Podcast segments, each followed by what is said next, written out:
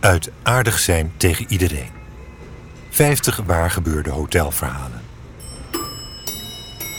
Popular trashy tourist culture.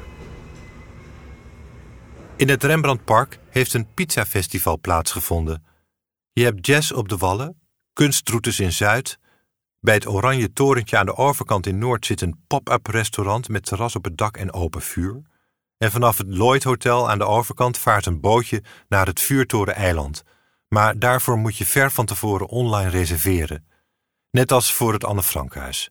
De wachttijd daar is drie maanden. Veel gasten willen weten wat er te doen is in de stad.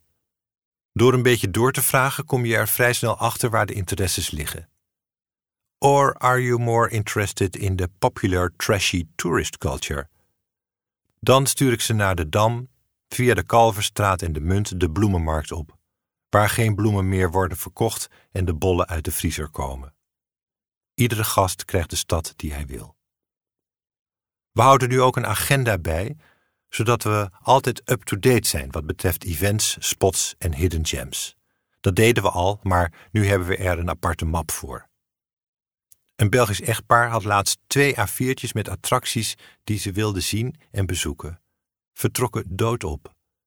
Niets doen in een stad is het moeilijkste dat er is. Zelfs onze koning en koningin eten stroopwafels.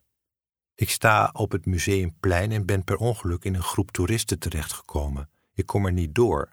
Ze zitten op gele fietsen en dragen helmpjes. Stroopwafels, roept de gids, are 100% Dutch. So don't forget to buy them before you leave. And even when they are old, they are nice. You just heat them up a little in the oven. Dan volgt een uitleg over wat een stroopwafel eigenlijk is. Also on Dutch TV we eat stroopwafels, gaat hij verder. Me, myself, I am addicted to them. At home, I have a fridge full of them. It's the taste of my childhood. De vrouwen lachen aandoenlijk en de mannen beloven beslist stroopwafels te kopen voor ze weer naar huis gaan.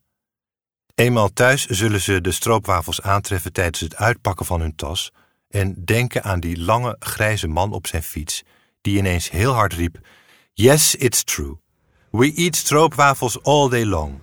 And can you please now get out of my way